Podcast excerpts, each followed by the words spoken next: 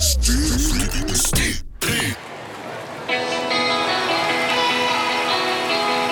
50 Tinten Gras met Stijn van de Voorde. Welkom bij 50 Tinten Gras, een podcastserie over de geschiedenis van de Belgische festivals. Want hoe kregen we zoveel grote festivals met zoveel grote artiesten in zo'n klein land? Daar gaat het over. Want kleppers als Rockwerchter, Pukkelpop, Tomorrowland en Graspop, ja, die ontstonden niet zomaar. Er gaat een hele geschiedenis aan vooraf. Dus ik start graag bij het begin in de prehistorie van de festivalgeschiedenis. De jaren 60. De Golden, 60s. 50 Tinten Gras. Dan denken we aan verhalen als dit. Dus die kleden zich gewoon uit, kropen op elkaar, terwijl iedereen zo rustig wel eens keek. Of iets als dit. En dat was eigenlijk mijn eerste, allereerste confrontatie met hash. En dan denken we aan de onwaarschijnlijk gerespecteerde bands als The Beatles, The Stones, The Beach Boys en Doors. Maar wacht, in de jaren 60 staat België helemaal niet zo ver op het gebied van populaire cultuur. In vergelijking met de Verenigde Staten en Engeland staan de Belgische teenagers nergens. En dat was natuurlijk de schuld van de media. Dat bevestigt ook Guy Mortier. In de jaren, eind jaren 50 was er uh, hier in Vlaanderen helemaal niets te vinden over pop. Ook in de jaren 60 nog niet. Kranten volgden dat helemaal niet. Eigenlijk is men zelfs pas beginnen te spreken over Torhout en Werchter, toen er al tienduizenden tot honderdduizend man kwamen, omdat men zag wat een succes dat had en hoe Humo daar ook van profiteerde. Er zijn dus ook weinig mogelijkheden als je iets wil ondernemen of als je zelf in een band speelt. Zoals Bob Balemans, de zanger-gitarist van The Pebbles. Een van de populairste Belgische bands in de jaren 60. Wij hadden dus al jaren voordien uh, alle, alle zalen in België platgespeeld. Wij waren dus ook een balorkest, maar een gooibalorkest. Daardoor zijn we ook heel populair geworden. Maar dat blijft dus bij zalen. Er waren in der tijd uh, een aantal festivals, maar dat waren jazz, jazzfestivals. Zoals Comblain Latour. En, uh, dat waren allemaal jazzcombo's en big bands, uh, zangers, zangeressen, uh, Nina Simone, Ray Charles. En de, de jeugd vond dat wel tof, maar die waren eigenlijk wel een beetje beu. Die, die, die zaten vol energie, die wouden springen, die wouden dansen, die wouden gek doen. Die wouden thuis weg eigenlijk. Die wouden met vrienden en vriendinnen wouden die gewoon in de wei gaan zitten uh, pintje pakken, een uh, kuiletje en een jointje erbij. Want in de jaren 68 dan begon dat al direct. Alleen dat was al iets vroeger bezig, 67. En uh, die konden in daar uitleven. En eigenlijk is het begonnen met in, in dingen, uh, Bilzen en in Châtelet. Daar zijn ze begonnen met eigenlijk popartiesten, poprockers op het podium te krijgen. En dat is gelukt, want Châtelet was dus wel een festival, het, eigenlijk een van de eerste festivals die, die, die echt met pop artiesten werkten. Hè? In Châtelet, in de provincie Henegouwen, zijn ze de jazz-solo's het eerst beu. En daar ontstaat dan vanaf 1962 een succesvol festival waar toch al serieus wat pop wordt geprogrammeerd. Het festival mikt voornamelijk op de Franstalige markt met artiesten als bijvoorbeeld Claude François. Maar in 1965 spelen bijvoorbeeld de Animals er ook. In the house. In 1965 komt daar ook nog Jazz Bilzen bij, een jazzfestival dat de eerste twee jaren enkel jazz programmeert. De sfeer in 1965 en 1966 die voelt nog iets anders aan dan in de jaren die daarop volgen. Journalist Frank van Laken weet dat heel goed, want hij deed onderzoek naar de eerste festivals in ons land. In het begin van Jazz Bilzen moet je je voorstellen, op zondag om 10 uur s ochtends werd daar nog een mis opgedragen op het podium. Dat kun je je nu niet meer voorstellen, maar toen was dat een verplichting. Want hey, ze mochten wel naar muziek komen luisteren, die jongeren, maar ze moesten zich wel een beetje gedragen. Ja, stel je voor dat Graspop of Pukkelpop zou starten met een misviering. We kunnen ons dat in deze tijd moeilijk voorstellen. Omdat nogal wat mensen de verkneutering en het jazzgedoe beu zijn, willen ze een gat vullen. En ook de mensen van Humo spelen daarin vanaf 1967 een belangrijke rol. Wij eh, merkten toen al het schrijnende gebrek aan uh, live optredens hier in Vlaanderen. Vlaamse pop stellen zo goed als niks voor. Niks, niks, niks. Maar alle groepen passeerden via Frankrijk, eventueel Nederland, maar niet door België. Dus toen wij de kans schoon zagen om te gaan praten met de, de organisatoren van het festival Jazz Bilze, dat pure jazz bracht, toen stelden wij voor om daar bij die dagen jazz een, een popdag te voegen, die wij dan eventueel zouden samenstellen, de humorredactie. En daar werd een akkoord eh, over gevonden, want ze kregen heel veel terug in de vorm van veel aandacht. We waren de enigen die daar op letten. En verder misschien ook het belang van Limburg, maar dat zal het ongeveer geweest zijn. Wij hebben dan door vooral het succes van uh, de eerste grote samenwerkingsaffiche die wij hebben kunnen doen, dat was 1968. Dat was een fantastisch, een onvergetelijk jaar wat mij betreft. We waren er al ingestapt in 67, maar toen alleen met Klein Grut al hadden we toen de eerste dag Procol Harum, die toen zeer groot waren. Oké, okay, Kleingrut is niet onmiddellijk het juiste woord, want inderdaad, de Britse band Procol Harum speelde er ook.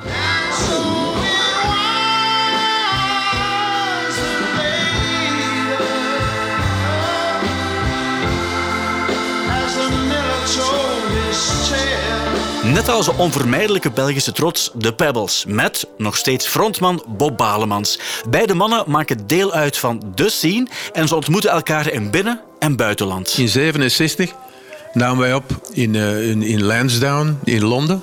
En naast ons was, was ook iemand aan het opnemen. En wij gingen ook eens kijken, even de deur open doen, eens kijken wie dat er allemaal binnen zat en zo. Dat kan dus, kon dus allemaal vroeger ook, dat kan dus nu niet meer. En wie zat er? Het is de eerste keer dat we Shade of Pale geworden. We hebben het, eerst, het eerste of Pale gehoord recht in de studio. In een in Châtelet Festival zaten we en wie kwam er op het podium? Procol Harum. Eigenlijk was dat een studiogroep. Er waren studiomuzikanten, maar toen werd dat een hit. En dan zijn die beginnen optreden. Want dat was geen groep, dat waren studiomuzikanten. Maar ze spelen dus ook samen in Châtelet en op Jazz Bilze. Dat er op dat ogenblik qua infrastructuur nog iets anders uitzag. In 67 en in 68 hebben wij daar kunnen optreden. Ja, dat was, dat was een weide. Hè. Iedereen lag daar op de grond. Er waren een paar stoeltjes. Het podium was ook niet zo groot. In kleedkamers, dat waren dus ja, een paar, paar uh, blokjes waar je uh, jezelf kan omkleden. De, installatie was niet zo bijzonder goed. Je moest dikwijls uh, stroom gaan, leren, gaan lenen bij de buren, omdat dat dan constant werd uitveel. Dus dat was niet gelijk tegenwoordig. Hè. Backstage, dat, dat, bestond, dat bestond eigenlijk nog niet. 67, 68 kleedkamers. Dat was, ja, dat was tegen een boom pissen en, verder trekt we plammer. Ja, geef die mannen een boom en dat was voldoende. Je kan daar eens mee lachen, maar het moet wel een bijzondere tijd geweest zijn. Zeker ook voor de Belgische bands. Groepen met veel potentieel en internationale klasse die opgesloten zitten in België en weinig kansen krijgen.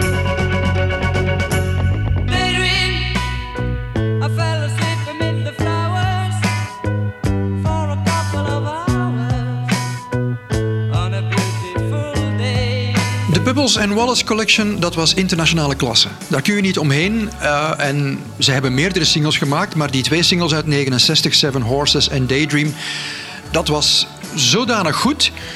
Dat zou in elke hitparade uh, prima gestaan hebben.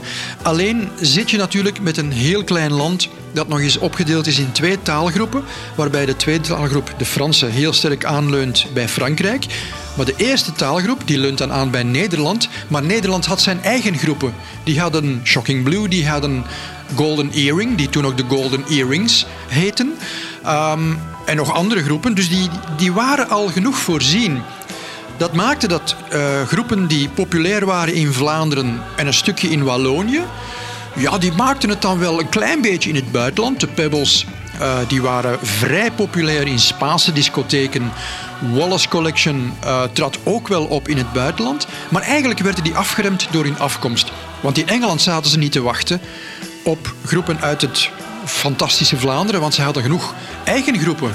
Um, dus dat maakte dat groepen die echt wel de potentie had, hadden om wereldgroepen te worden, de Pebbles en Wallace Collection, dat die uiteindelijk ja, Belgische groepen zijn gebleven. Helaas, zeg ik dan. Helaas. Ze kregen dus geen aandacht op de radio en in de krant. De pop in de tijd eh, dat wij dus begonnen in, in, in Engelse pop en al, BRT moest daar niks van weten. Die, die meiden, alles wat pop was, hè, dat moest allemaal Louis blijven. In, in, in, in Marva en zo, dat moest dat blijven. Pop, dat telde niet. Dus de pers, de pers was er ook een beetje... eh, die trok zich ook een beetje terug om daar publiciteit over te maken. Hè. Het is maar natuurlijk omdat dan eh, Humo kwam, mensen van, van die, die, die bladen, die, die begonnen natuurlijk over pop te schrijven. Hè. En dat was ook de redding voor veel artiesten, hè, voor popgroepen. Hè. Er komt meer aandacht, de juiste mensen bemoeien zich met de programmatie en er komen dus de eerste echte festivals. Met een unieke sfeer en een spannende line-up. Toen kwam dus 68 met, ja, voor mij is dat het jaar van de, van de jam sessie. In die jaren was jam sessie voor ons een magisch woord. Ik presenteerde dat toen. Ik moest eh, Alexis Corner gaan halen, want die, die kwam maar niet opdagen. En ik ging kloppen, ik deed dat open en dat was eigenlijk mijn eerste, allereerste confrontatie met een gegeven dat mij nog niet bekend was, want ik was een hele brave jongen en in die tijd werd er ook nauwelijks over gepraat. Dat was hash. Er sloeg een wolm naar buiten, was niet te geloven. Je zag, je zag gewoon niet wie daar binnen zaten. Maar dat was dus Alexis Corner met nog een aantal companen. Dus hij kwam naar buiten. De backing van uh, QB en de Blizzards. Steve Marriott begon zich te moeien. Chris Fowler stond daar te kijken en die mannen zeiden, kom erbij. En daar groeide en, en QB kwam dan zelf ook zingen. Jongens, jongens, jongens, dat was echt kippenvel, dat was fantastisch. Allee, wij hadden dat nog nooit meegemaakt. Het was muzikaal ook zeer, zeer goed. Dat was een avond om van te dromen. En daarna moesten dus de Small Faces optreden en dat, uh, voilà, dat was het eerste grote festival in de Lage Landen. Ik denk dat het een van de eerste zeer grote was in Europa zelfs. Ik ken er niet veel andere. En we zijn vertrokken. Vanaf 1969 ontstaat er een echte festivalscene in ons land. Outdoor en indoor. Zo is er op 21 juni 1969 het First International Pop Event in Deurne. Elf poporkesten pepten zich met pop op tot volwaardige poporkesten in het First International Pop Event te Deurne.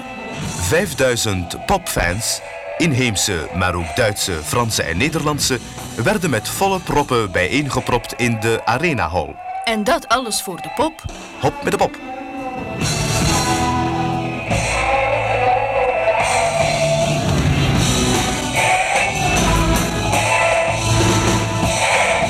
Eerste echte popfestival wordt georganiseerd door Louis de Vries, de toenmalige manager van onder andere The Pebbles, die ook meewerkt aan de line-up van onder andere Jazz Bilze. Het First International Pop Event was ook een landmark, denk ik, omdat we pure pop brachten.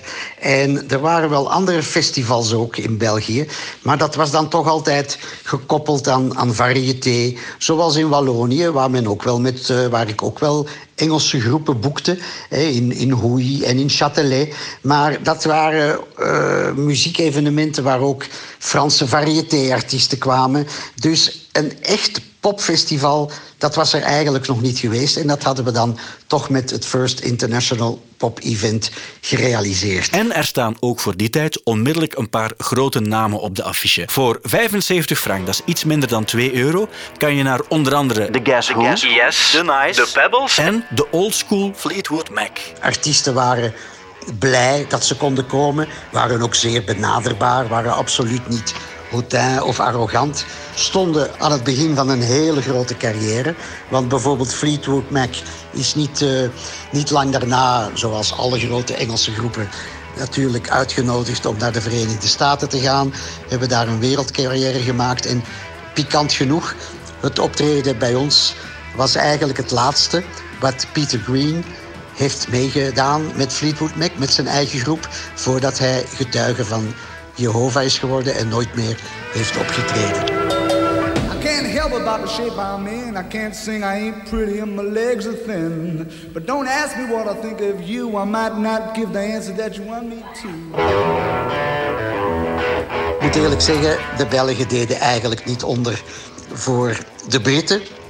Integendeel, de, de grote sensatie van die avond waren de Pebbles, die toen een nieuwe hit hadden, Seven Horses in the Sky. En dat was gekoppeld aan uh, een vuurwerk, een vuurwerkexplosie. Uh, Te gek voor woorden natuurlijk, dat je in een zaal waar op dat moment 6.000, 7.000 mensen uh, stonden en zaten en waar niemand weg kon, dat je daar vuurwerk kon afsteken uh, zonder dat er enig probleem was. Dus totaal onverantwoord achteraf gezien. Maar in die tijd was er geen sprake van veel controle, van veel security. Security werd gedaan door een, een plaatselijke jeugdclub, Horizon, uit Hoboken. En één of twee politieagenten volstonden wel. En dat was meer om de auto's goed geparkeerd te krijgen dan wat anders. Dus ja, op dat moment was alles nog heel braaf en, en onschuldig. Bob van de Pebbles kan zich de sfeer op en achter het podium nog zeer goed herinneren. We, we zaten dus ook in de kleedkamers dus, met Fleetwood Mac, Yes en The Nice. We hebben die mensen ook ontmoet in de kleedkamers. We hebben die in de gangen ontmoet. Je kunt ermee praten. Vol bewondering stonden wij ook voor die gasten. Hè. Want dat waren dus vedetten. Wij waren dat ook, maar zij waren wel internationaal vedetten. Hè. Ik dacht, wat, wat zegt je nu backstage? Wat zegt je nu? Prachtig, tof, leuk, ongelooflijk, knap. Verder gaat dat niet. Hè. Ik bedoel, dat is geen familiegesprek. Hè. Dat, is, dat gaat alleen over muziek. Het gaat alleen over muziek. Ook voor Raymond van het Groenewoud, die op 300 meter van de zaal woont en als 19-jarige muziekliefhebber ook een ticket koopt. Uh, ik denk dat ik ging voor het fenomeen zonder meer dat er groepen van Engeland kwamen. Ik wist van Fleetwood Mac en The Nice. En de grote verrassing was eigenlijk Yes. Het was een stap verder dan uh, drie akkoorden muziek. Dat is niet noodzakelijk beter, maar ter plekke was ik zwaar onder de indruk. Ja, internationale bands die maken indruk op verschillende festivals die in 1969 overal opduiken in ons land. En dat op de meest onvoorspelbare plaatsen. Je had een festival met drie groepen in de parking de Deux Portes op de, uh, aan de Naamse Poort in Brussel. En daar, in die parking, heeft men dus een festival georganiseerd met Jess and James. Een groep die toen wel furoren maakte met de hit Move. En de onvermijdelijke Wallace Collection en de Pebbles die op ongeveer elke affiche stonden in 1969.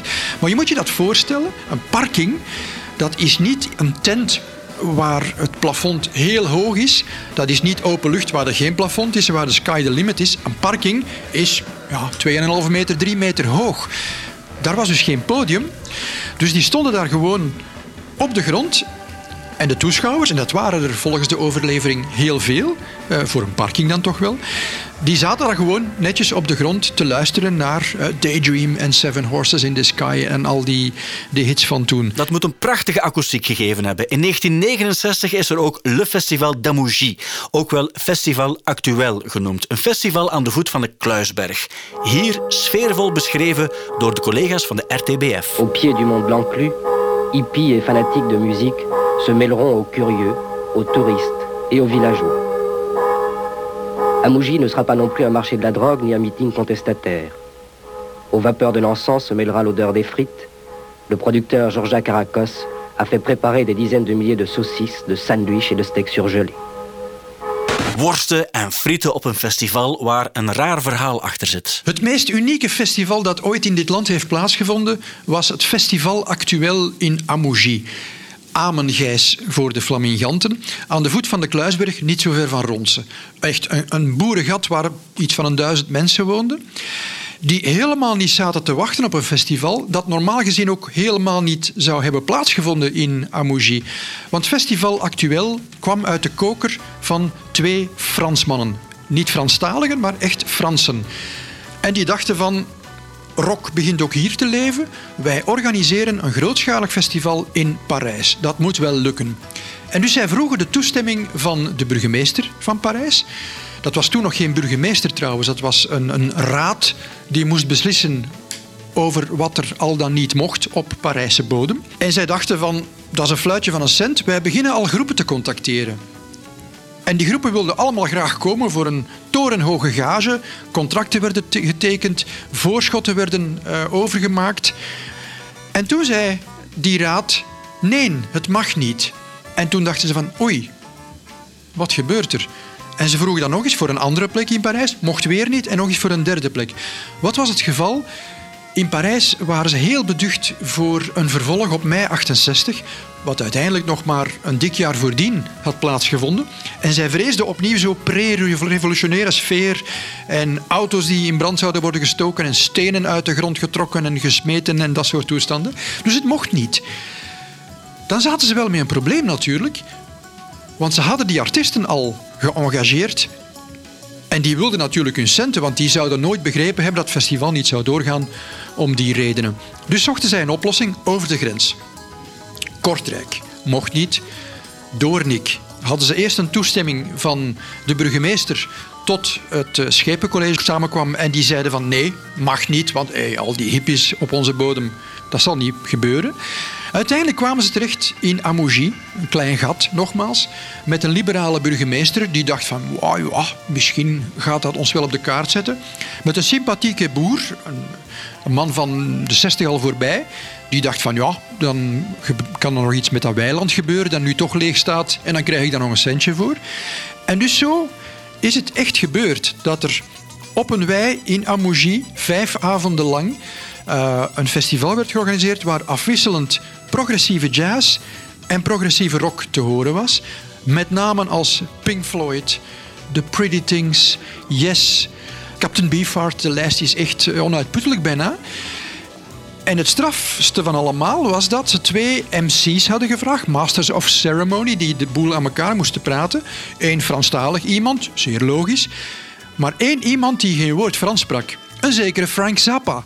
Stel je voor, in een onogelijk gat aan de voet van de Kluisberg, dat je daar uh, aankondiging krijgt door Frank Zappa, die terloops ook nog eens gaat meespelen bij Pink Floyd. Interstellar Overdrive, een nummer van meer dan 10 minuten. Eigenlijk vervelend gejengel, als ik mijn mening mag geven, maar goed, het is wel uniek. Dat was dus echt wel onwaarschijnlijk dat al die namen samenkwamen. Eind oktober, het was vrieskoud s'nachts. En daar zaten daar ja, duizenden jonge mensen die uh, gedurende vijf, zes dagen neerstreken in dat dorp waar ze anders nooit een kat zagen, behalve hun eigen collega-dorpelingen. Floyd plus Van.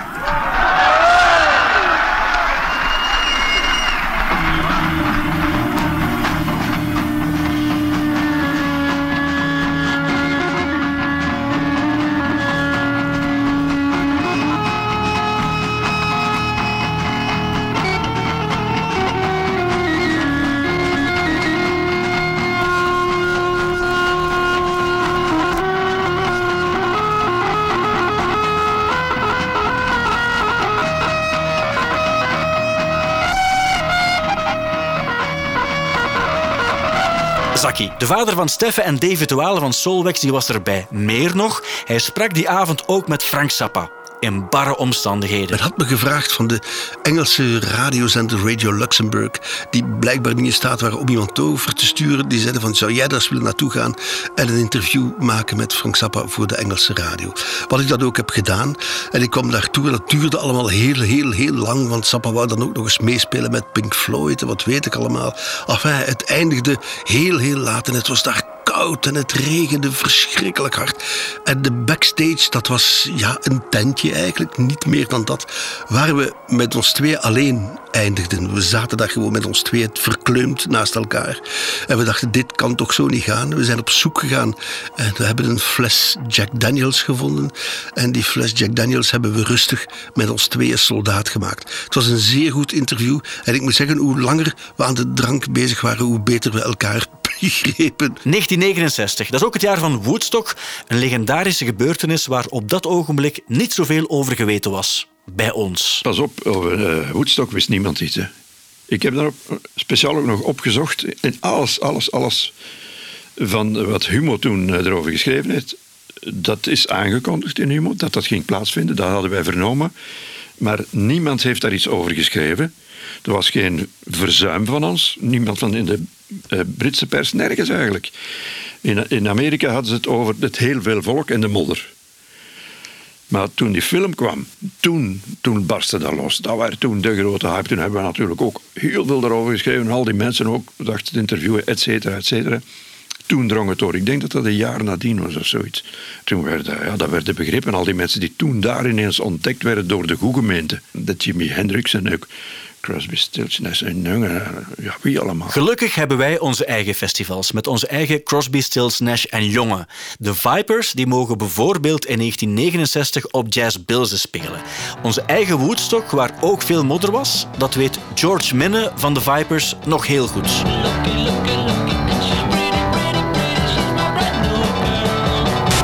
We hadden natuurlijk nadeel dat het, het was enorm, enorm slecht weer. Ze zaten dus gewoon in de modder. He, dus het plein voor ons, dat was één modderbrei. Dus de atmosfeer was onder nul. He, dus het was een zomerdag, maar het had geregend, geregend, geregend. En ze zaten, ze zaten, de mensen zaten gewoon in de modder. En dat resulteerde op ons. Op ons en op de band dus daarna. Dus wij stonden daar al een beetje met trillende benen. En wat gebeurde er plots? Er werd een ei naar ons gesmeten. Een ei, ja jongens, we, we stonden al met trillende benen en komt dat tegen. En nadien, want we waren tot en met ontgoocheld. En na ons speelde die Purple. En die kregen ook een ei. En John Lord deed zo, was nu twee. Bedoelde hij smijt er nog eentje? Of was het Peace? Ik weet het niet in die tijd. Maar zij kregen ook, hij kreeg ook een ei op zijn Hammondorgel. Nadien hebben we dan gezegd, oeh ja nee, het is niet aan onze muziek of wat dan ook. Ze zijn hier gewoon, ja, dat was de revolte, de tijd van de revolte. Hè? 69, 8, 69, dat was de revolte. Dus als ze maar opstand konden maken. Hè? Revolte en eitjes gooien, ook dat was 1969. Peace and love, my ass. En, en dan, nog, ja, dat is ook een anekdote. Dus het feit dat die Purple uh, achter ons speelde, dus zij speelden op Marshall. En eigenlijk hadden wij ook ons Marshalls mee. En in het einde van, van het optreden van die Purple deden zij de Marshalls van hun weg. En onze Rodi vond niet beter, want zij speelden op de Marshalls de 200 watters. Dat was ja, hut van hut. En wij hadden de Marshall 100 watters. En onze Rodi, die dacht nog niet beter van... Ik ga de mannen plezier doen, we gaan die gewoon omwisselen. Want die zagen er in principe hetzelfde uit. Maar potverdikke, daar hebben we nog achteraf hebben dat, en zeker dan onze Rodi, die het eigenlijk wou doen om onze plezier te doen. Ja, we, hebben dat gelukkig kunnen rechttrekken. Maar hij dacht nog eens, ja, we gaan, die, de, gaan de Marshall van de Vipers daar zetten en wij gaan de, de Marshall meepakken van, die Purple. Dus ja. Jimi Hendrix en zo, die speelden allemaal op 100 watters. En zij hadden 200 watters.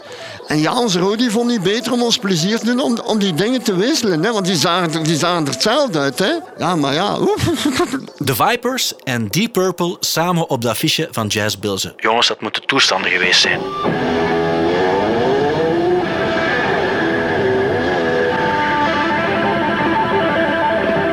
Journalisten maken ook voor het eerst kennis met het fenomeen festivalcamping. Welke zijn de voorwaarden om hier te logeren in die tent? De voorwaarden, hoe bedoelt u?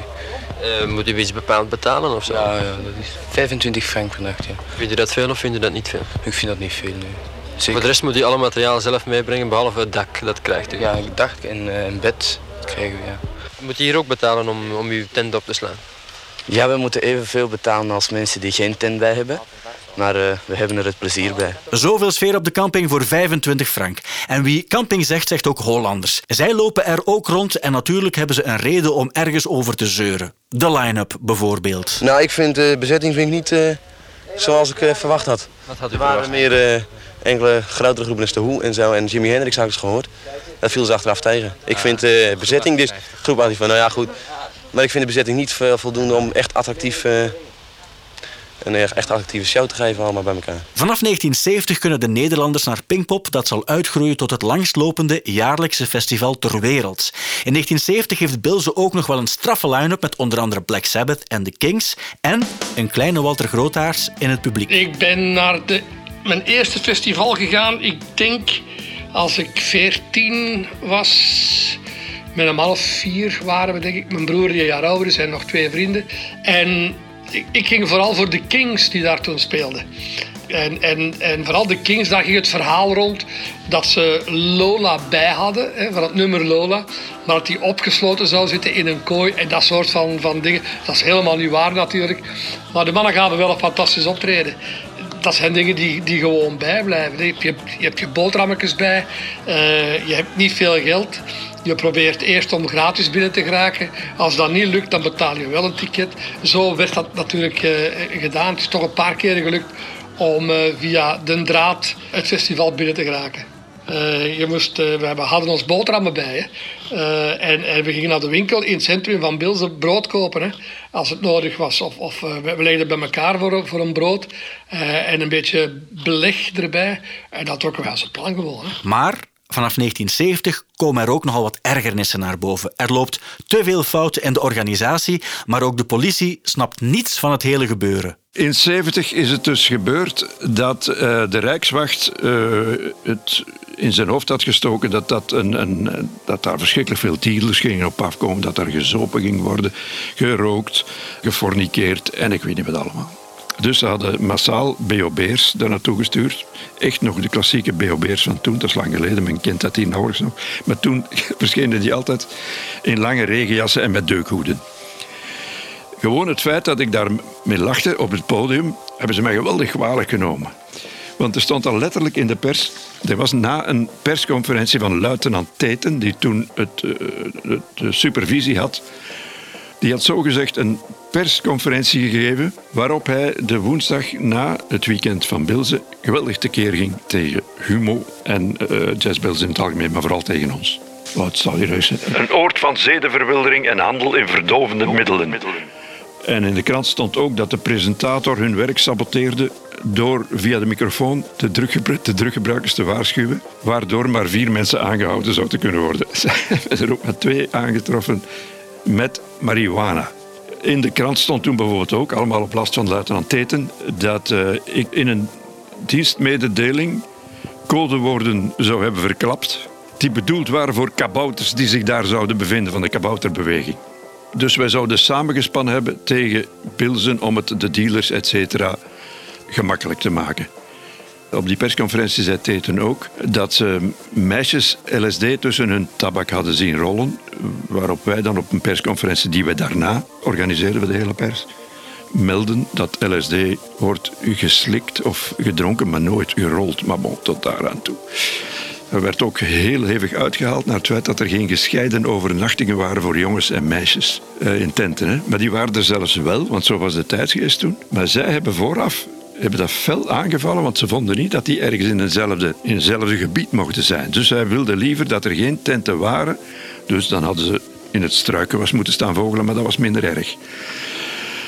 En dus achter het podium zijn ze ook binnengevallen in, in caravans en zo. Verboden goederen, het enige verboden goed dat in de auto zat op dat moment was de BOB zelf. Dan namen ze mij ook kwalijk dat ik dat, dat soort dingen melden en zo. Ja, er is de tegenkanting van buitenaf, maar organisatorisch loopt het ook te vaak fout.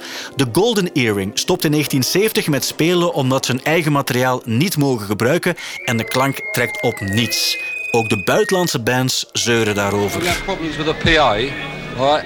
And also the bass had quite a lot of trouble. It going off and on, you know. If you got your own equipment, you know how to use it, you know.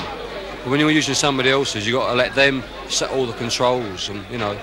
Doesn't, you know, you can't get your own sound. En dan zijn er ook nog de organisatorische problemen, bijvoorbeeld met de security. De security, die werd uitgevoerd, door, die werd in handen gegeven door plaatselijke bodybuilding clubs. En dat was bijzonder bruut. Die mensen die zopen ook de hele dag. Dus s'avonds moest je echt oppassen als je die backstage tegenkwam. Maar ik deed niet, zo is in elkaar geslagen geweest in een van die edities. Uh, ik herinner me de, de genaamde Frank, dat was de baas van de bodybuilders. Die liep, dat was heel goed weer, die liep daar altijd rond in, met alleen een heel klein zwembroekje aan. Ongelooflijk brede borst en zo. Ik zie hem nog rijden op zo'n heel klein kinderfietsje ja, die lieten zich gelden. Dus wij wilden ook niet dat dat nog gebeurde. En zo stapelen de irritaties zich op. Het ging zo, wij kregen steeds meer ruzie met, gewoonweg ruzie met Jazz Bilze. Dat te maken met name met de editie van, ik denk, 71. Dat was een ramp omdat uh, toen moest onder meer uh, Elton John komen om het te redden. Maar wat, wat, mij verschrikkelijk begon te ergeren was dat Bilze betaalde nooit de voorschotten. Dus hij had dan eindelijk een heel grote aan de, aan de haak. En die zeiden, dan werd ik altijd opgebeld. Dan zeiden ze, jullie schrijven wel dat, dat die komt, maar die komt niet, want ze betalen het voorschot niet. En ik zei, oké, ik zal nog eens bellen. En dan betaalden ze toch niet. En dan belden ze weer. En dat was echt om gek van te worden. Ik had daar niks mee te maken. Maar ik probeerde altijd me dat te redden en zo. Dat was, dat werkte heel grote irritatie in de hand. En uh, je kon die mensen niet kwalijk nemen, eigenlijk dat ze op een duur gewoon niet meer kwamen. Uiteindelijk stopt de samenwerking tussen Bilze en Humo al begin jaren 70. Het festival kent later nog wel succesvolle edities met andere mediapartners, zoals The Joepie. En heel grote namen als Ike en Tina Turner, The Jam, The Cure, Lou Reed, ACDC, The Police, The Clash enzovoort. Maar er blijven ook problemen zoals rellen, gedoe met motorbendes en vernielingen in het centrum. In 1981 stopt Jazz Bilze. Het einde van een belangrijk festival met een belangrijke verdienste. Zoals ooggetuige Mark Didde het mooi samenvat. De grote verdienste van Jazz Bilze is dat het bestaan heeft dat ooit iemand in een onmogelijke Limburgse stad is het ondertussen, denk ik, gezegd heeft we gaan dat hier doen en we gaan een aantal jazzgrootheden naar hier halen en daarna toch al dan niet in samenwerking met Humo beslist heeft... jazz is niet meer de muziek die de jeugd begeestert. Gaan er ook iets bij doen van vandaag. Hoe bollig dat nu ook lijkt, dat was toen van vandaag. En daardoor denk ik toch, ik kan dat niet bewijzen... dat Pukkelpop en Werchter ook bestaan. Door die cultuur, het is allemaal een beetje in dezelfde hoek van het land... dat die cultuur toch ontstaan is. En dat het ook mogelijk was. Want de aantallen groeiden altijd. Iedereen die nu 50 of 60 is, heeft daar voor het eerst een amalgaam van rockgroepen gezien die anders individueel nooit ontdekt zou worden, tenzij je zelf de boot nam en in de Londense clubs ging zoeken. Dus die werden op een schotel wel voorgesteld. Dus ons muziekbewustzijn is daar zeker door geopend. En gelukkig staan er op dat ogenblik al een hoop andere festivals te springen om de fakkel helemaal over te nemen. Maar dat is iets voor de volgende aflevering. 50 tinten gras. Studio Brussel.